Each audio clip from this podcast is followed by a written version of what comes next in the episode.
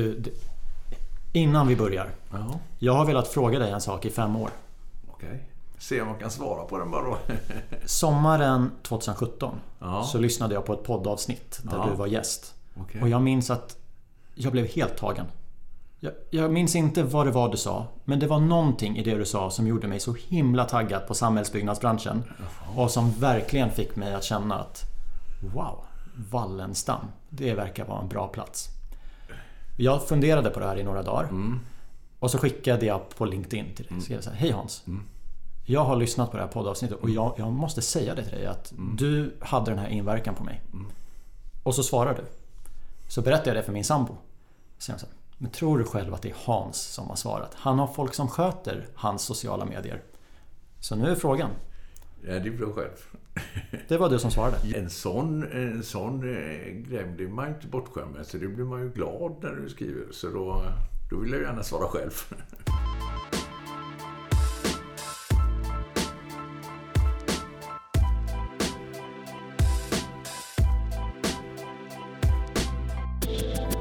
Efter fem år fick jag äntligen ställa min fråga och efter två år av planering satt vi äntligen i samma rum. Jag har under en längre tid sett fram emot det här samtalet och mina förväntningar infriades. Min nästa gäst har i över 30 år varit VD för det som idag är ett av de största privata bostadsbolagen i Sverige. Han inledde sin tid som VD med att leda bolaget genom 90-talets fastighetskris. Något som brukar beskrivas som en av de mest dramatiska perioderna i Sveriges moderna historia. På västkusten fanns det före krisen ett tiotal börsnoterade fastighetsbolag. Efter krisen återstod bara ett. Wallenstam. Vad lärde han sig? Hur har det här påverkat bolaget? Hur ser han på marknaden framåt? Det och mycket mer i dagens avsnitt. Låt mig presentera Hans Wallenstam.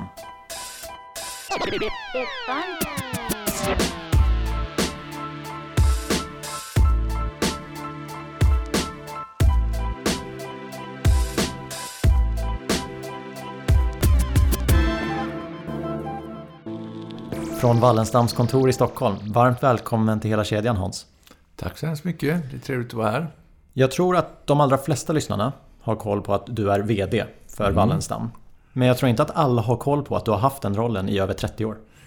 Ja, nej det, det kan låta lite knäppt att man har varit med så länge. Men det, det, det är sanning. Sedan 91 har jag varit VD. Vad var planen när du hoppade på? Jag, jag säger inte att man alltid har en exit plan, men man ser väl någon form av framtid. Nej, alltså Wallenstam är ju sprunget ur familjen. Det var ju min pappa som startade eh, en gång i tiden. Och då, jag har tre stora systrar och så är det jag som är en liten sladdis. Eh, och då var väl planerna liksom kanske inte så tydliga att jag skulle ingå i dem till en början. Eh, och jag var väl heller inte så sugen på att ingå i de planerna heller.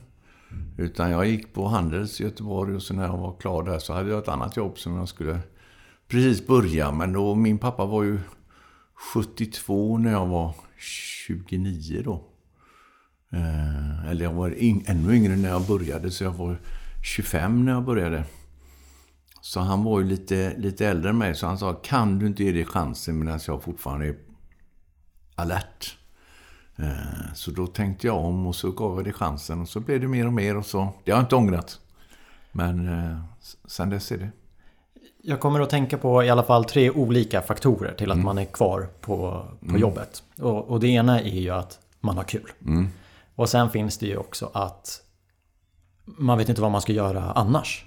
Och sen en tredje, just i ett familjeföretag, att det kanske inte är helt klart vem som skulle ersätta en. Om vi tar de här tre faktorerna eh, över de här 30 åren. Hur väl stämmer de in? Jag tänker, du har ju gått upp och ner och Ja, du har väl de- känt lite olika. Du kan nog säga att eh, ett vägt sammanvägt utav alla tre på något sätt. Det är nog en ganska bra förklaring. Eh, Man hade ju aldrig eh, hållit på så länge om man inte tyckte det var roligt. Sen kan man ju vara ärlig och säga att man har ju den förmånen att lite granna... Jag har ju i princip anställt alla mina egna eh, medarbetare. Det finns, jag, jag är ju den som har varit här längst. Så det är klart att då, då finns det ju en sannolikhet att man gillar de personerna och förhoppningsvis de gillar mig. Så det blir en väldigt, det är en väldigt styrka i det att känna alltid en värme, en omtanke och en glädje när man är på jobbet. Det är, det är, det är ovärderligt. Eh, så därför kan man komma över till punkten två där du sa att man, vad ska man göra annars? Ja, jag vet faktiskt inte heller det, för att det är så roligt och så mysigt att vara på sitt jobb. Sen är det roligt att göra andra saker också, men alltid kunna ha eh, sitt jobb eh, är väldigt värdefullt. Och sedan arvet, det är klart, det var ju därför man kom en gång i tiden och man, man, man så att säga förvaltar eh, sitt far, far och mors arv. Det är klart att det är en stor förpliktelse i det. Wallenstam för många är ju en, en ett bostadsbolag som ja. äger och förvaltar bostäder. Mm. Jag var inne på er hemsida och mm. det är ju inte hela sanningen. Nej, alltså om man säger så här att vi, om vi har eh, våra fastigheter består ju av bostäder i Stockholm och Göteborg. Och till det Uppsala då, till Stockholm kan man säga. Och så i Göteborg så har vi ju väldigt mycket kommersiella fastigheter. Eh, och när man är i Stockholm så brukar man få förklara hur motsvarigheten är i Göteborg. Så då kan man säga att vi är huvudstaden fast i Göteborg då. Uh, ungefär med fastigheter i samma läge. Alltså innerstad fast i Göteborg. Och det är ungefär 50-50 bostäder kommersiellt. Så att vi kanske också tar oss mycket i och med att vi har byggt så mycket bostäder så kanske det blir att vi blir ett bostadsföretag. Men det är, det är i princip 50-50. Jag tänkte att vi ska börja prata om bostadsdelen. Mm. Eh, vi sitter här, vad är det, onsdag 21 september. Ja. Igår så meddelade Riksbanken att man höjer styrräntan med ja. en procentenhet. De flesta rubriker i tidningarna var ganska mörka. Vad är det för stämning på bostadsmarknaden just nu? Ja, det, det, är ju olika naturligtvis. Sitter du lite belånad i en bostadsrätt som du har köpt nyss så klart att då är det ju förödande. Om du dessutom har mycket lån på den och har dem rörliga. Eh, det är en katastrof och det är väl det. Många kommer ju få den tiden som väntar. kommer ju många livsöden skapas. Alltså för det, det, det är en tuff tid vi går in i nu i, eh, eh, för många olika människor. Sen i fastighetsbranschen så är det nog lite olika hur man sitter så att säga. Vilken position man har, vilken solidaritet man har, vilka, vilken handlingsberedskap man har. Det kan vara väldigt olika. Så det, det är lite olika. Man behöver inte spola tillbaka bandet särskilt lång tid för att hitta liknande rubriker. Mm. Det var i början av pandemin. Mm. Då blev det ju inte riktigt så illa som rubrikerna hävdade att det skulle bli. Vad är det för skillnader nu? Det är väl tyvärr, måste jag säga, tack vare att vi kanske, och hade kanske inget val, att ösa ut pengar över samhället när pandemin startade. Det var den baksmällan vi får ta nu. Eh, eh, jag säger inte att man skulle gjort så mycket annorlunda, men kanske att om inte pandemin hade kommit så hade man kanske behövt börjat höja räntan redan ungefär när pandemin startade. Men det fanns ju ingen förståelse för det när det kom. Och det var klart att det är en omöjlig uppgift att, att sköta pandemin så smärtfritt som ändå världen gjorde, om man tänker ekonomiskt, eh, som man gjorde utan att det blir några eh, fallissemang efteråt. Du har ju varit anställd på Wallenstam sedan 1986. Ja. Det låter som forntid. Ja, det är 36-37 ja, år i alla fall. Ja. Du har ju upplevt då olika typer av kriser. Mm. Många, jag tror de allra flesta som VD, mm. fastighetskrisen mm. på 90-talet, Lehman-kraschen, mm. pandemin. Ja, mm. Eventuellt har jag missat någon. IT-krasch I... 2001. Eh, ja, det har varit lite småkriser emellan. Så du har ju varit med ett tag. Hur, vad går du in med för inställning till det som sker nu? Alltså, är det rätt att prata om kris? Eller är vi inte där än? Alltså, det får ju naturligtvis framtiden utvisa. Eh, I och med att jag själv tillträdde 91 och det var ju precis när 90-talskrisen eller fastighets och finanskrisen startade. Eh, och det blev ju en utav eh, historiens största krascher. Så på något sätt så kanske mitt krismedvetande slår på så fort det är någonting som säger att det kan bli kris. Så det har ju slått på kanske både på Liman och även när bostadsrätterna svajade där hösten 2017 var det väl. Ehm, och även då när pandemin startade. Men jag känner nog att den här krisen kan nog bli lite djupare än dem. Hoppas ju inte att den blir lika djup som på 90-talskrisen. Men eh, den kommer nog bli lite tuffare än de kriserna som man har varit med på 2000-talet i alla fall. Om man tittar på det så jag kan ju personligen tycka att det är ingen kris att styrräntan höjs med en procentenhet till 1,75. Historiskt så är det inte så här superhögt. Så om vi bortser från att lösningen är inte att sänka styrräntan. Mm. Vad finns det för andra saker som staten kan göra, som kommunerna kan göra för att dämpa eh, fallet? Att det blir en hyfsad landning och att vi tar oss levande igenom där. Ja, alltså jag, jag kan inte slå med något trollspö. Men klart, något som vi inte förfogar över det är ju det, det fasansfulla kriget och vilka effekter det får på hela samhället. Eh, det är ju klart att det, det är väldigt svårt att överblicka. Så det är klart att det bästa hade varit om det slutade och det blev fred. Eh, då skulle man ha någonting att utgå ifrån. Eh, det har ju skapat energikrisen och det, det, det är många grejer som kommit eh, brist i olika, mm, med, med vete och med även byggmaterial som kommer mycket därifrån.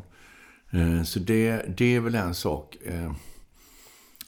Samhället idag, alltså jag tror ju mycket är ju konsekvens över att vi har eh, öst ut så mycket pengar som vi har gjort under de tiderna som var. Eh, så att det, det, det är inte lätt att säga att lösningen är att eh, ösa ut mer pengar. För vi, det vi inte vill hamna i kanske det är en, en hög inflation många år. Eh, för det kanske inte är så nyttigt för samhället. Men det finns ju saker att göra, till exempel nu att man kan subventionera olika besparande, elbesparande, energibesparande åtgärder. Alltså man kan stimulera att folk konsumerar sin energi på ett annat sätt. Det är, det är ju hyllade insatser, alltså att man från statens sida kan, kan subventionera eh, eloptimering helt enkelt. För var och en ute i, så att det behövs även värme. Eh, uppvärmning. Eh, det är ju en sak som jag tycker skulle vara samhällsekonomiskt väldigt bra.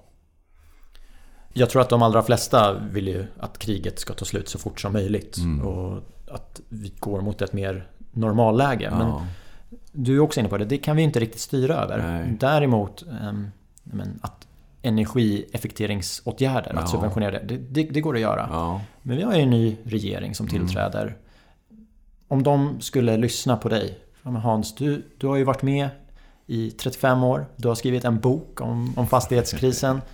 Har du tips till oss? Vad, vad, vad ska vi ja, tänka jag, på? Jag, jag, jag, skulle ju vilja om, om samhället ska göra någonting eh, som politikerna styr över så att säga. Så skulle jag ju vilja att eh, vi valde... Jag är ju lite intresserad av, av eh, vindenergi också. Vindkraftverk och så. Och det, det är ju någonting som jag tror man kan på relativt kort sikt och inte, absolut inte ersätta eh, de eh, kärnkraftverk och annat vi har tagit bort. Men det skulle tillföra energi.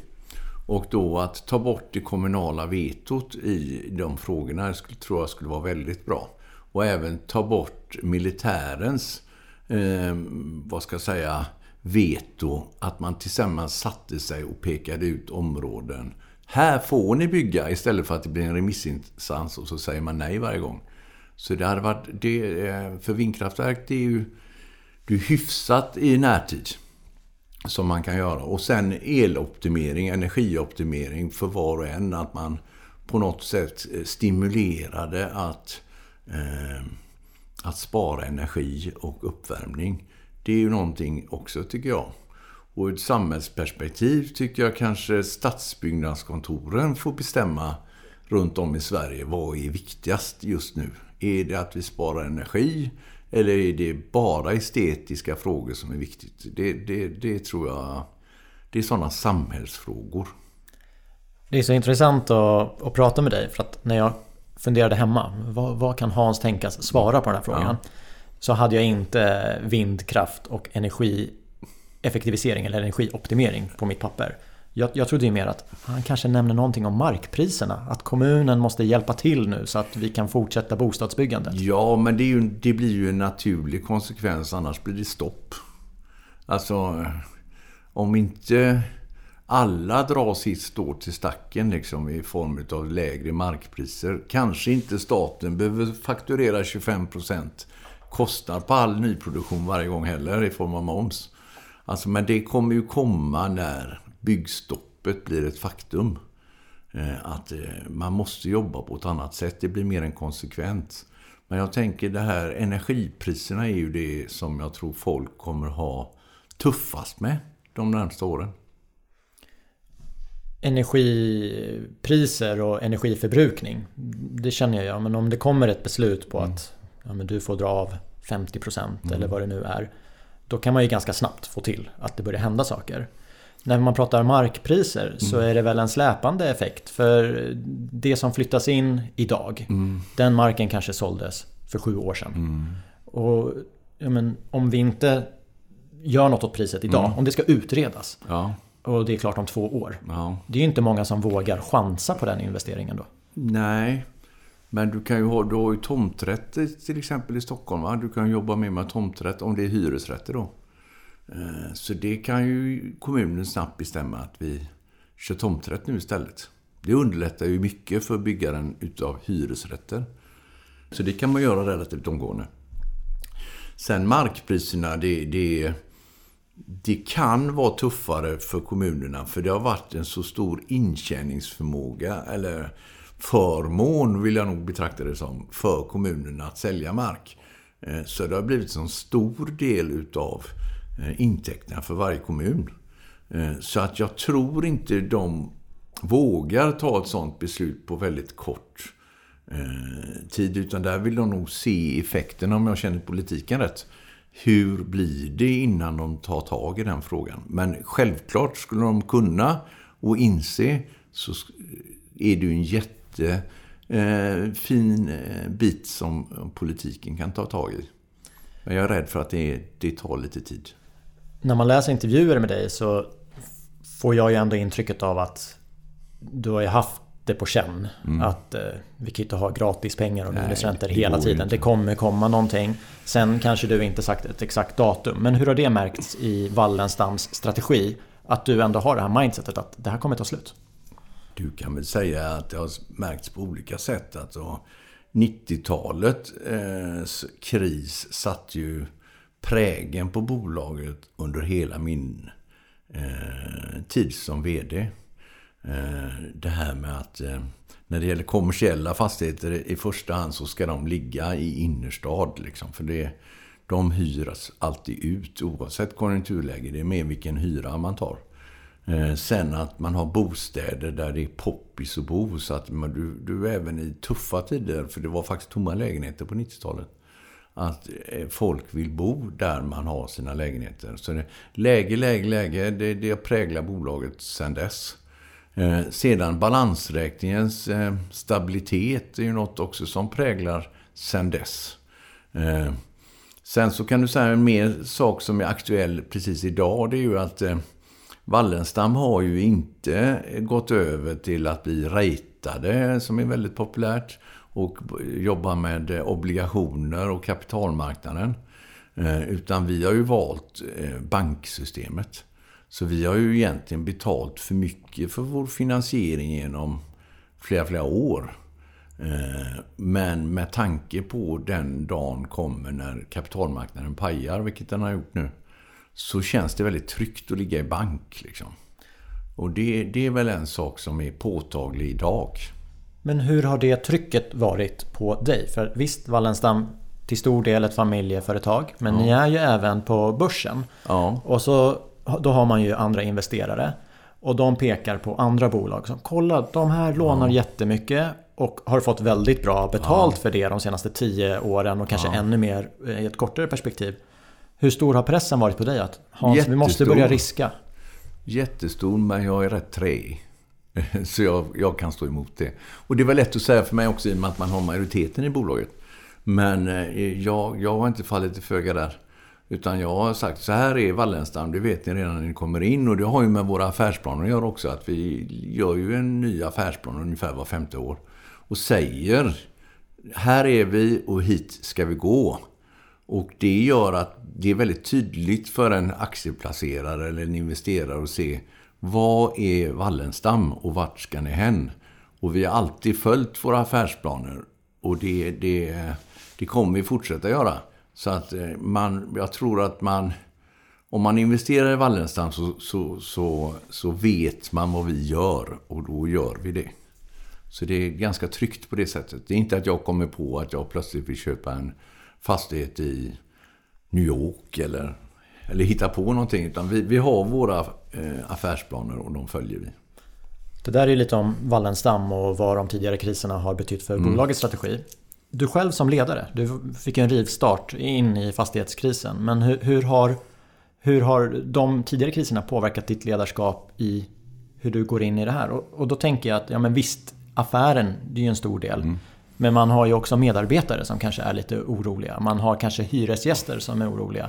Vad, ja, vad alltså, har du för erfarenheter och vad tar du med dig? Ja, alltså det vore förmätet att säga att man kan alla parametrar. Men man har ju fått uppleva lite saker.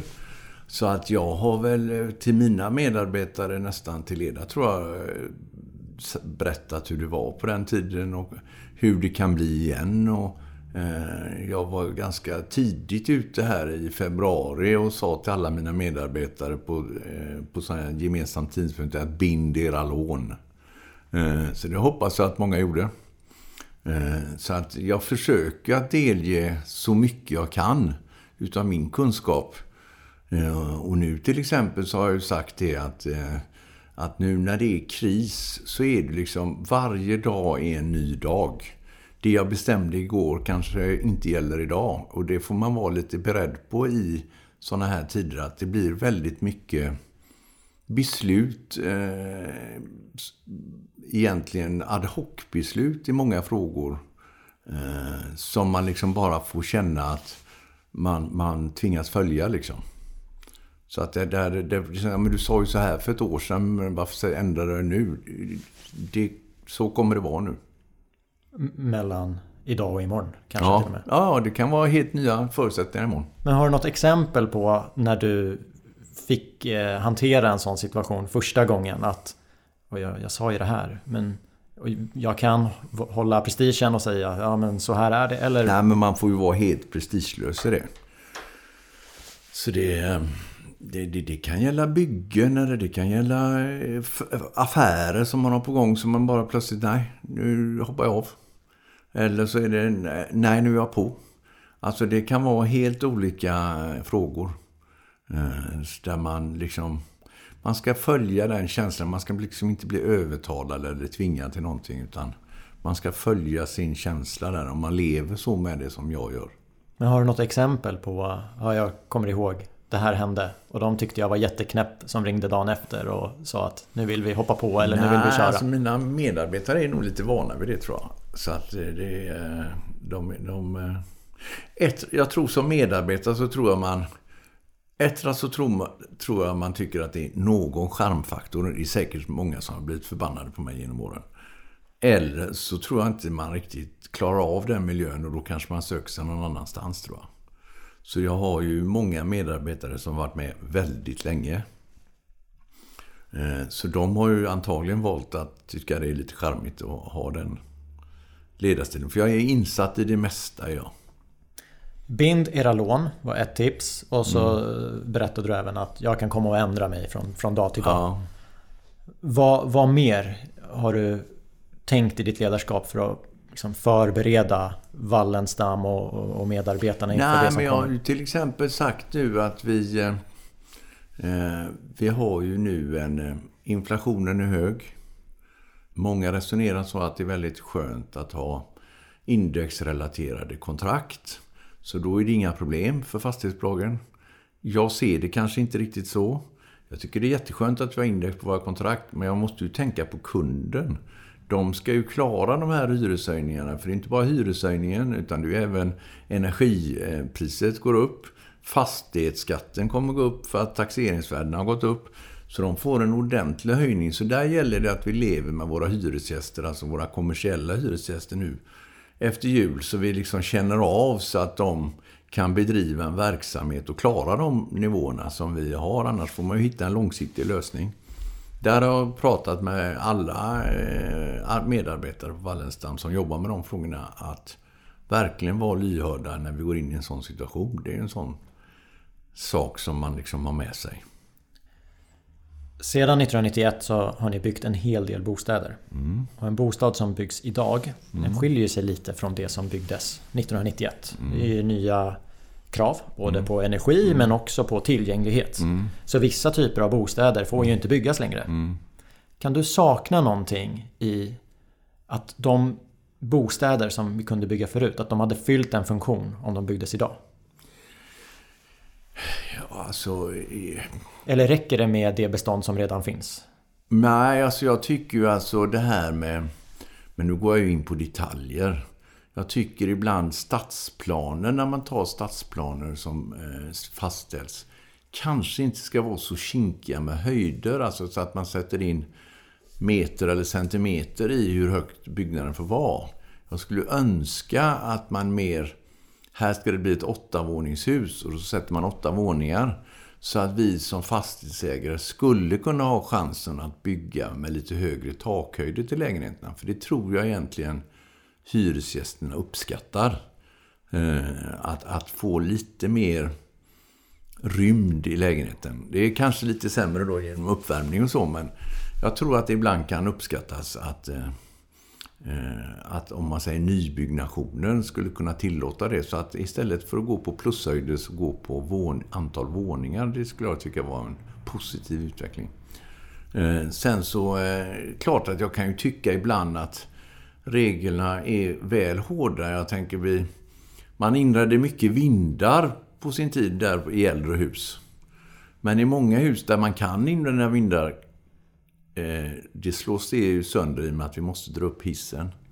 Och då gör det ju att inte in, vinden inreds. Eh, så det, det tycker jag egentligen är synd. Det där är intressant det du säger om eh, invändig rumshöjd. Ja. För ofta kopplar man ju det till att det är någonting ekonomiskt, att det är därför det är bortvalt. Mm. Men som du säger, ibland så har man ju krav på hur högt huset får vara. Ja. Och nu kommer ju faktiskt eh, ja, 10 cm. Det innebär mm. ju en del för energiberäkningen. Ja. Och då kanske det inte går att få till. Ja, Nej. fast hus är så täta idag om man bygger nybyggnad. Det är ju inte... Egentligen så är det ju inte nybyggnaden ur energieffektivitet som är problemet. Utan vår stora utmaning är ju allt gammalt bestånd. Bakgrunden till att jag frågar är just det här gamla beståndet. Mm. Eh, för de har ju lägenhetstyper som inte får byggas idag. Mm. Du kunde bygga en tvåa på 35 kvadrat mm. tidigare. Mm. Nu är det ju svårt att komma under 45 kvadrat om du ska ja, bygga en tvåa. Ja, badrummet är största rummet. Ja, och samtidigt så går ju miljonprogrammet. De har ju funnits nu i visst antal år och står mm. inför omfattande renoveringar. Och där det ibland kanske är mer lönsamt på vissa rader att riva och bygga nytt. Oh. Men då förlorar ju du de här tvåorna på 35 kvadrat. Mm. Så de får inte byggas längre. Mm. Kan det bli ett, ett problem? Alltså jag tror ju att samhället mår bra av att ha så mycket varierad byggnation som möjligt. Så att det inte blir statiskt att alla bo, måste bo lika. Utan för olika människor i olika livsskeden så passar ju olika boenden. Så jag tycker ju det är synd att... Ja, ibland kan jag tycka att reglementet är för hårt. Utan att man mer... För vi skulle ju egentligen inte som, om man säger som exploatör, byggare. Så hade ju inte vi byggt hus där inte folk vill bo. Det hade ju varit självmord. Eh, ekonomiskt självmord. Så självklart så vill ju vi lyssna på våra kunder hur de vill bo. Och försöka skapa produkter så som de önskar. Eh, det, det är ju hela vår ambition. Liksom. Så att ibland styr regelverket lite för hårt, tycker jag. Ni bygger ju både hyresrätter och bostadsrätter och ni har ju flera gånger sagt att det är en av fördelarna ni har gentemot mm. många konkurrenter. Mm. Att ni faktiskt kan ställa om mm. beroende på marknadsläge. Mm. Hur mycket skiljer sig en hyreslägenhet och en bostadsrätt? Eh, jag förstår att det kan vara olika i olika områden men alltså, om man kan ta något snitt. Du kan säga i princip eh, i princip ingenting i kvalitet eller något sånt utan det, det är samma. Eh, vi bygger samma standard i alla. Det som man kan tänka sig när du bygger för bostadsrätt, det är möjligt att du har en snittlägenheten blir något större. För det kanske är att man rotar sig mer och får familj på ett annat sätt än i hyreslägenheten. Så eh, kanske att det är något extra rum i snitt eh, i bostadsproduktion eh, för som vi tror ska bli bostadsrätt. Eh, för att eh, hyresrätten det är mest efterfrågade segmentet är liksom mindre lägenheter som är så yteffektiva som möjligt. För att hyran naturligtvis ska bli så låg som möjligt. Har det varit så under dina 30 år? Eller är det en förändring i vad vi vill ha idag? Nej, alltså under mina 30 år så har det nog varit så att för om vi går ett antal år tillbaka så blev, var ju oftast eh, bostadsrätten en exklusivare produkt. Så man byggde liksom med kvalitet extra kvalitet i bostadsrätten för man skulle sälja den. Eh, det är det inte längre. Utan hyresrätterna är minst lika exklusiva vill jag påstå. Materialval. För det, det har man känt att ju, ju, ju, hyrorna har ju gått upp. Och då vill man ju eh, att det ska vara det ex, alltså, finaste man kan bo i, i våra hyresrätter. Det har ju varit vårt mål. Så att där vill jag nog påstå att det är ingen skillnad i kvalitet, men Kanske att det var även lite skillnad i storlek på lägenheterna eh, när man byggde bostadsrätt då också. Ni nämner ju ofta att ni, ni värnar om hyresrätten ja. som, som boendeform. Hur, hur kan man värna om den? Vad... Det är många kommuner idag som väljer bort alltså, bos, hyresrätt. Eh, många starka blåa kommuner tycker att det bara ska finnas äganderätt. Eh, och då vill man inte ha hyresrätten. Och jag känner ju att hyresrätten är nog det, efter hotell så är det nog det mest smidiga man kan bo i. Och det, var, det, kan ju ha att göra med att det har varit 30 års uppgång på bostadsrättssidan. Så det gäller bara, har man bara haft turen och köpt en bostadsrätt så har man blivit, har man tjänat på det. Men det kanske nu, eh, kanske man funderar lite grann kring det. Eh, när nu kanske det blir lite bostadsrättspriserna eh, går ner och kanske det känns skönt att ha en hyresrätt. Det har vi märkt inte minst i vår egen bostadskö att vi har en explosion av sökande just nu. Så att jag tror hyresrätten har en funktion i ett samhälle att liksom vara ett olja i maskineriet. Det kan vara sådana som behöver en snabb bostad för att bo en litet tag eller så är det någon som det passar bättre att ringa oss och fixar vi alla fel och alltihopa istället för att ställa sig själv. Så att eh, jag tror att eh, hyresrätten har en stor Eh, eh det finns ett stort behov fast i vissa blåa kommuner så har man tyckt att hyresrätten är fel. Vi spelade in det här i september 2022. Mm. Det var val för två veckor sedan. Mm. Bostadsfrågan blev ju inte en valfråga den här gången heller. Nej. Men två saker jag snappat upp är ju mm. dels vi behöver bygga fler billiga hyresrätter. Och sen också hyressystemet som har varit uppe som, mm. som en fråga. Och de tog ju aldrig över. Men om, om vi ska prata lite om de två. Ja. Bygg billiga hyresrätter. Mm. Om du får det i uppdrag, vad, jo, hur gör man det? det? Det har jag fått ungefär tusen gånger. att det är vi som gör att det inte finns billiga hyresrätter. Det, det, det är inte så. Utan det, det, finns inte någon produkt som är billigare ny än en begagnad. Ja, det ska vara några antikviteter i så fall. Men alltså, det är, och inte minst nu om det blir inflation, så blir det definitivt inte billigare att flytta in nyproduktion än är gammal. Eh, så att eh, det, det att byta ut parkett mot plastmatta eller... Eh, alltså det, det, det är som en osthyvel liksom, på osten. Det, det ger ingenting, utan det är ju alla egentligen regler som styr det. Och jag säger inte att vi ska ta bort reglerna, men, men om man skulle se över regelsystemet så hade man nog kunnat påverka kostnaden lite. Eh, men det, det är, man får nog konstatera att det är en politisk eh, slagdänga. Bygg billiga hyresrätter, för det låter bra. Men det, det eh, i princip går inte. Vad finns det för verktyg då? En, en sak jag tänker, du sa att hyresrätter, den marken säljer man inte. Utan den upplåter man. Och så får... Man kan göra det. Man kan ju sälja den också. Eller så är det tomträtt. Ja, men jag tänker om det är en tomträtt. Mm. Då är det ju någon form av årsavgift ja. som går att påverka från statligt från statens håll. sida. Eller kommunens. Från kommunens sida. Och så finns det ju olika typer av mm. men, investeringsbidrag. Mm. Hur ser du på de möjligheterna? Alltså jag ser ju när jag en gång då i forntiden tillträdde så hade ju eh, eh, byggandet, om man får säga så, en statlig subvention i form av räntebidrag hette det på den tiden. Att man subventionerade räntorna som man betalade för att bygga nytt. Eh, och då tog man, jag kommer inte ihåg exakt antal miljarder, men det var typ 20 miljarder kostade bostadsmarknaden om året. Staten. I form av subventioner på det sättet. Och nu tar man ju mångt mer ifrån bostadsmarknaden i form av moms på byggande.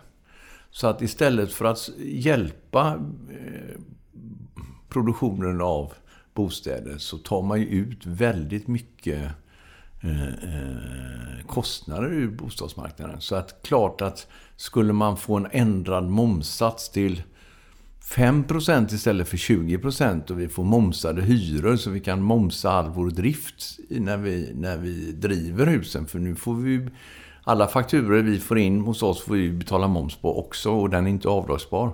Så driften blir ju högre också. Förutom att det blir eh, högre att betala investeringen. Så där kan ju staten göra mycket om man så skulle önska. Blir inte det där med tiden ett nollsummespel? Alltså, jag tänker om bostadsutvecklarna, mm. om de gör stora vinster. Då kommer ju markpriset att gå upp för mm. de kan betala mer. Mm. Eh, och visst, om man tar bort momsen mm. så blir det ju en effekt. Helt plötsligt försvinner pang, 25%. Mm. Det kommer ju göra jättestor skillnad. Mm. Men med din erfarenhet, för du har ju sett hur man har tagit bort eh, man har ändrat olika. Du nämnde mm. att tidigare kunde du ju få ränterabatt. Det har du ju inte längre. Mm. Men det blir ändå ett nollsummespel. Ja, fast där får man väl ha i och med att vi har ju en reglerad eh, hyressättning i Sverige.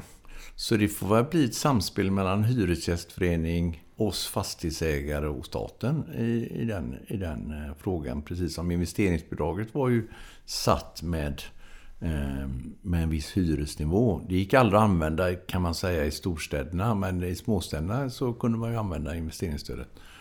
Eh, så att, eh, men men jag, jag, tror mer på att på något sätt långsiktigt för, förändra spelreglerna för oss än att ge pengar till oss för olika investeringar.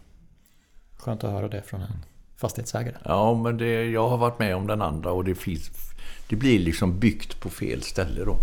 Hans, du sa hyresreglering och då finns det en och annan lyssnare som säger app, app, app. Hyressystem. Mm. Vad, vad tycker du? Det, det, det är en aktuell fråga. Ja, Hur ska vi göra i Sverige? Det. Alltså, jag har ju levt med detta hela mitt liv så det är inget problem för mig att leva med det nu heller.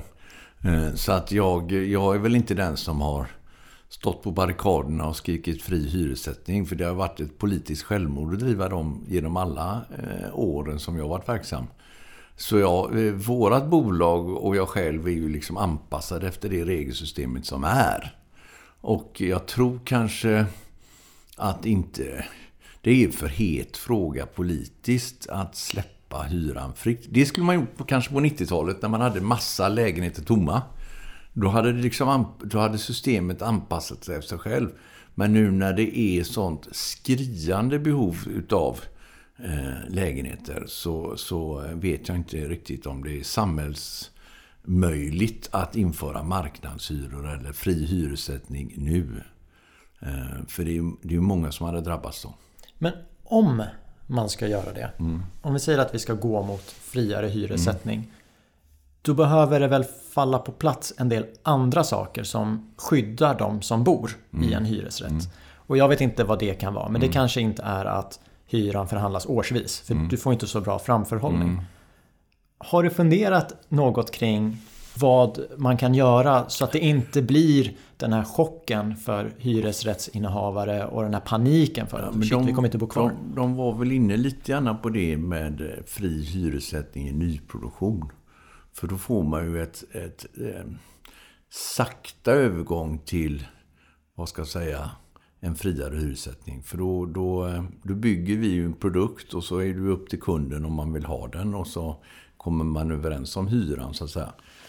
Det är svårare att, att kanske eh, med besittningsrätt och annat. För det kan ju hända faktiskt i en sån situation att du vill byta ut hela ditt kök, eh, ändra rumsfördelning och göra allting. Och så flyttar du efter tre månader. Det går inte heller. Utan man, eh, det får nog vara någon form av överenskommelse över tid med hyresgästen om, om, man ska, om man ska införa det i befintligt bestånd. Men då får man utreda också det här med fastighetsskatt. Alltså det, de gamla husen i innerstan kommer ju få enorma hyreshöjningar och det måste ju stat så inte det bara faller på fastighetsägaren utan det, där får ju också då samhället plocka upp det på något sätt också. Det var en annan fastighetsägare i Stockholm som just hade det som förslag att eh, om det införs så ska det ändå vara att som fastighetsägare säger man Det här är din hyra kommande tio åren. Mm. Du får flytta ut när du vill. Mm. Men du, du har tio år mm. och vi har ja, men knappt någonting. Mm. För att få till någon mm. jämn, äh, jämn balans. Mm. Men det kan också vara svårt om hyresgästen, ja men jag vill att det ska se ut så här och så här och så här och så flyttar jag efter en månad. Det, ja, det är inte helt lättlöst. Hur mycket hade det påverkat er? För det ju, hörs ju vissa röster om att sätt fri hyra i nyproduktion. Det, hyrorna är ändå så pass höga så att det är inte jätteefterfrågan. Ja, jätteefterfrågan är det kan jag säga. Eh, för vi har väl nu upp mot snart 300 000 i vår bostadskö för Göteborg och Stockholm. Så det, det är en ganska stor efterfrågan. Men eh, vi ser ju kanske att andrahandshyrorna ligger kanske, kanske en 20-25% över de hyrorna vi har. Så att det är klart att någon påverkan har det haft. Hur känns det? Att man får göra så? Andrahandsuthyrning tänker jag, till 25% högre. Ja, alltså det var klart att det kan ju vara rimligt att om du får ett jobb på ett annat ställe att du ska få hyra ut din lägenhet och få flytta tillbaka dit. Det kan ju finnas en viss rimlighet, åtminstone i den bostadssituationen som vi har när det är så kris med lägenheter. Hade, funnits, hade vi byggt så mycket så att det fanns någon tom lägenhet här och där så kanske man skulle kunna rucka på de eh, reglerna för då kunde man ju få tillbaka en lägenhet när man flyttar hem igen. Men ibland så det sätts ju i system och det gör vi ju vad vi kan för att jaga dem som så att säga ekonomiskt tjänar på det och har aldrig för avsikt att flytta tillbaka igen. Så att eh, jag är väl lite dubbelbottnad där. Vi växlar över till bostadsrätter igen. Mm. Då har du sagt att ett prisras på upp till 50% och en tvärnit för bostadsbyggandet, det går inte att utesluta. Och det här var ju ett tag sedan.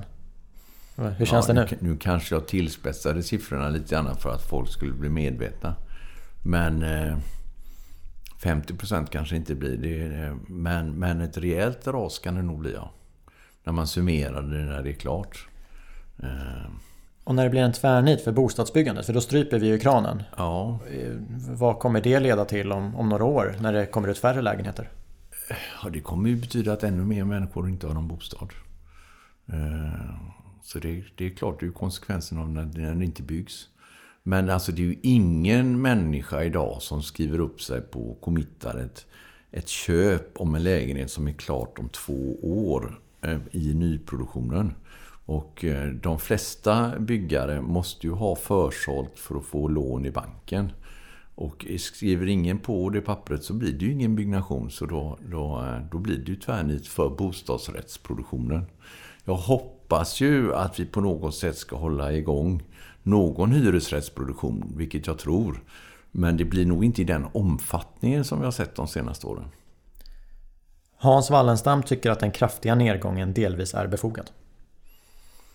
Ja, alltså det var som jag var inne på att inga träd växer till himlen så att någon gång kommer det en baksmälla. Och det, det är klart att har vi haft noll i kapitalkostnad, det, det är helt orimligt att det kommer vara så över tid. Så att, att det kommer en nedgång är inte helt orimligt. Är vi duktiga på att glömma saker? enormt. Förtränga saker tror jag. Jag menar eh, på 90-talet. Man hör ju om de här historierna där räntan var 500% och bo, räntan på bolånen var Mm. 10-11% och folk är vana med det. Jag själv, jag kom ut på bostadsmarknaden 2009. Jag, jag tror jag aldrig betalat mer än 3% i ränta. Mm. Under 1% större delen. Men historiskt så vet vi att ett normalläge det kanske inte är 1% i ränta. Nej, nej, nej. Eh, Det kanske snarare är fyra. Eller någonstans där. 3-4 procent. Men det Nej. finns ju vissa som också har sagt att ja, fast historiskt då är räntan 1% om du kollar 500 år. Ja, men då har vi inte så hög tillväxt tror jag. Eh, kanske inte vi kommer ha heller. Eh, de, man har ju satt inflationsmål på 1% och jag tror inte realt att låntagare kommer låna ut pengar om de går minus på varje eh, grej de lånar ut. Så att de kommer nog ligga strax ovanför inflationen i alla fall i räntekostnader för att få någon real tillväxt på sina lån. Eh, Men Ja, det är en svår fråga, men jag, jag tror inte jag anpassar min verksamhet efter att ha 1% ränta. Upp och nedgångar är ju... Jag kan ju tycka att det är ju så det ska vara. Alltså vi drömmer om det linjära men att det inte alltid brukar vara så. Det brukar vara hack. Och skenande bostadspriser har ju varit det som Finansinspektionen har tagit upp och säkert Riksbanken också. Och de har ju gjort en del saker. Bolånetak, amorteringskrav. Eh, Och så pratas det ju om att okej, herregud, nu exkluderade vi några grupper och då kanske det ska komma några startlån och, och liknande. Du har ju varit inne på att för de sakerna man gjort hittills. Det, det, det har ju inte varit något, något startlån utan man har ju fokuserat på taket, eh, amorteringskraven, göra det svårare. Eh, och så har, du har ju sagt att ja, regeringen har i princip dödat intresset för att bygga bostadsrätter. Det var ju några år sedan. Hur blev det? Nej, men alltså det är ju tungt. Eh, jag kan ju förstå att det är tungt för beslutsfattare också. Men du, du, du tar ju så att säga...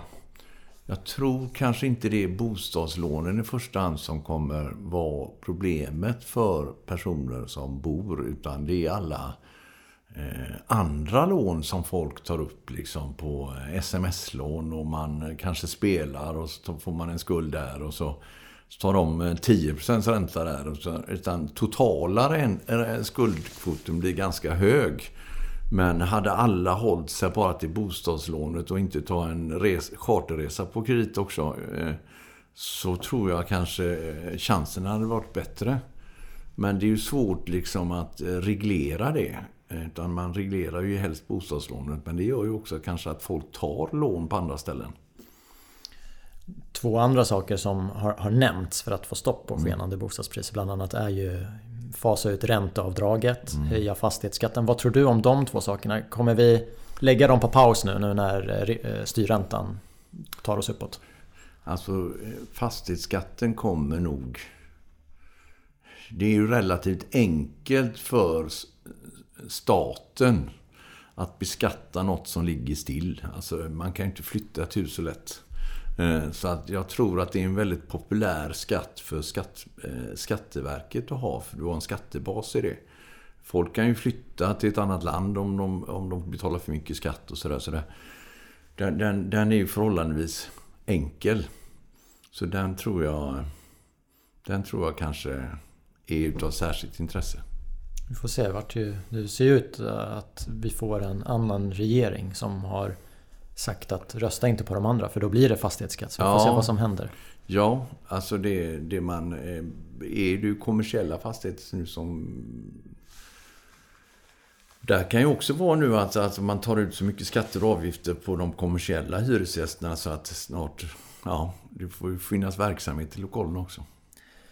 En sak jag ofta har fått höra är att kommunerna ja, men Det är lite som en bromskloss. Vi, vi projektutvecklare, vi vill bygga mer. Men planerna, det tar alldeles för lång tid. Jag kollade upp det här lite nu inför vårt samtal. Och om man tar Stockholms stad så, så finns det en massa bostäder som eh, ligger i lagakraftvunna planer. Men, men ingenting startar.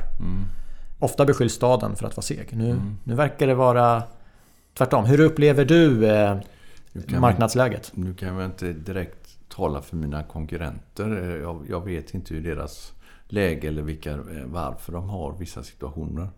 Men vi själva då, om vi, vi jobbar ju mycket med staden med markanvisningar till exempel. Och någonstans mellan, ja, säg runt sju år från det vi får en markanvisning till det kan flytta in folk i huset. Det är ju ingen ovanlig tid utan det är väl någonstans snittet.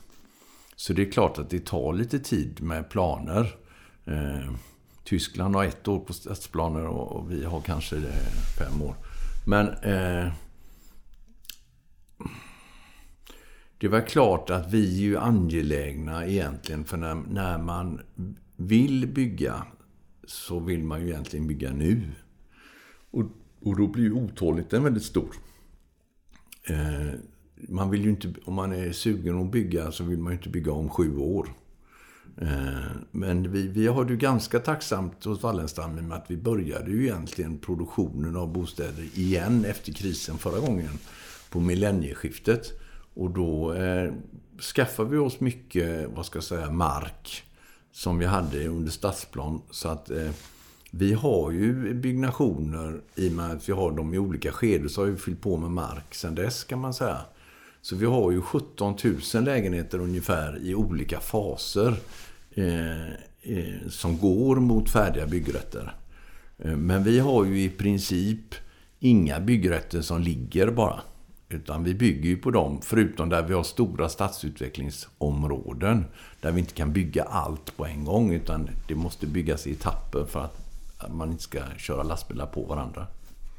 Man ska passa sig för vilket ord man använder för att beskriva dagens situation. Ja. Men när man säger spännande så mm. kan ju det låta fel i och med att det är ett krig i ja, Europa. Ja, och ovisst. Ja, mm. men det kanske det är mm. flera gånger. Men jag tror att lyssnarna förstår vart jag vill komma. Det är annorlunda tider just nu. Väldigt annorlunda. Nu när ni sitter här och planerar för Wallenstam mm. framåt. Du sa att ni jobbar femårsplaner och kanske mm. är ni mitt i. Jag vet mm. inte.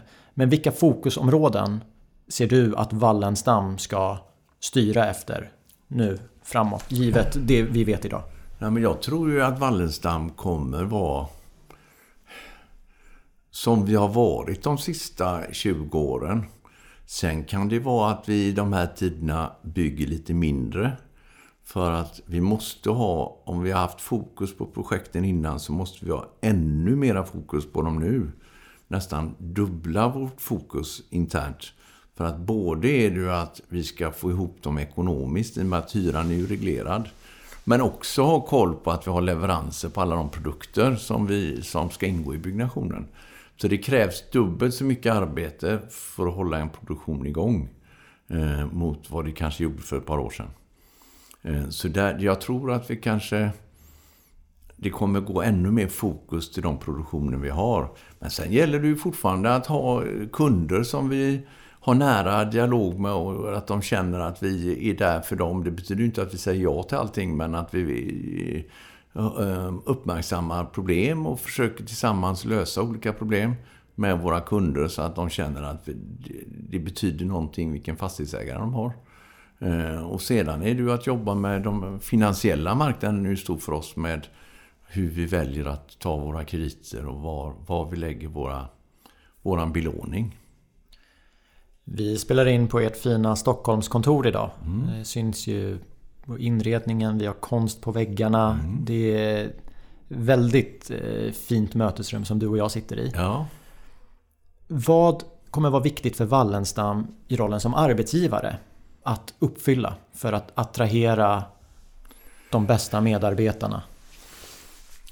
Och vad, vad är viktigt redan idag? Jag tror att eh, det nu är jag ju väldigt partisk i och med att jag har suttit här i 30 år så att säga. Men jag tror det är väldigt viktigt att uppmärksamma sina medarbetare. Vi har ju väldigt mycket eh, hyllat att man gör interna eh, karriärsteg. Att man har chans att utvecklas, byta avdelningar, nya utmaningar internt. Eh, så att man inte måste byta företag för att få chans på ett nytt jobb. Utan det kan vara lite struligt för den de lämnar. För man, oftast vill man komma till sitt nya jobb direkt. Men det är ju ändå bättre att få behålla sina medarbetare. Och det blir det struligt för då kan man ju fortfarande fråga dem än att de byter arbetsgivare. Så att vi försöker att tillgodose ett karriärsbehov. Det är väl jag som sitter som en propp längst upp då. Men annars så tror jag att vi, vi försöker jobba verkligen med det. Och skapa en kultur där vi liksom har och ser varandra på jobbet. Det behöver inte vara att man drar världens roligaste skämt i, i, i fikarummet. Men åtminstone man ler och man, man försöker finnas till förfogande för arbetskompisar. Så det inte blir en individuell arbetsplats utan en kollektiv arbetsplats. Det är viktigt för mig. Eh, så att eh, jag tror att, jag tror åtminstone att eh, många trivs väldigt väl. Och det är jag ju väldigt glad och stolt över. Nu ska vi inte gå händelserna i förväg för jag har ingen aning om hur många år till du vill fortsätta i rollen som. VD. Men vi har ändå 31 år bakom mm. oss. Mm. Vad är du mest stolt över under din tid som VD på Wallenstam? Det var nog att vi överlevde den krisen som var på 90-talet. Det, det var nog... Eh, det är nog det jag är mest stolt över. Alltså man ska ju som eh, från den delen jag kommer i västra Sverige då så var vi ju 13 noterade bolag på Stockholms fondbörs. 12 försvann ju och vi var kvar. Och det, det var många som räknade ut oss då. Så det är, jag nog, det är nog det jag är mest stolt över för bolaget. Sen kan jag känna en enorm stolthet när vi är inne på produktion och bygge. Att, att om man köper en markbit och så kanske sju, åtta år senare står där på kvällen och ser att det kanske är 100 familjer eller 200 familjer som flyttar in i det här. Och man har liksom med egen kraft och egen och arbetskompisar vi tillsammans har lyckats lösa och, och, och, kunna producera och att folk flyttar in. Det känner jag en oerhört stolt över, liksom i det, det momentet. Så det tycker jag är en samhällsnytta som jag tycker jag känner mig stolt över. Ska vi säga så Hans? Ja, visst. Tack för att du gästade hela kedjan. Ja, tack så mycket. It's fun.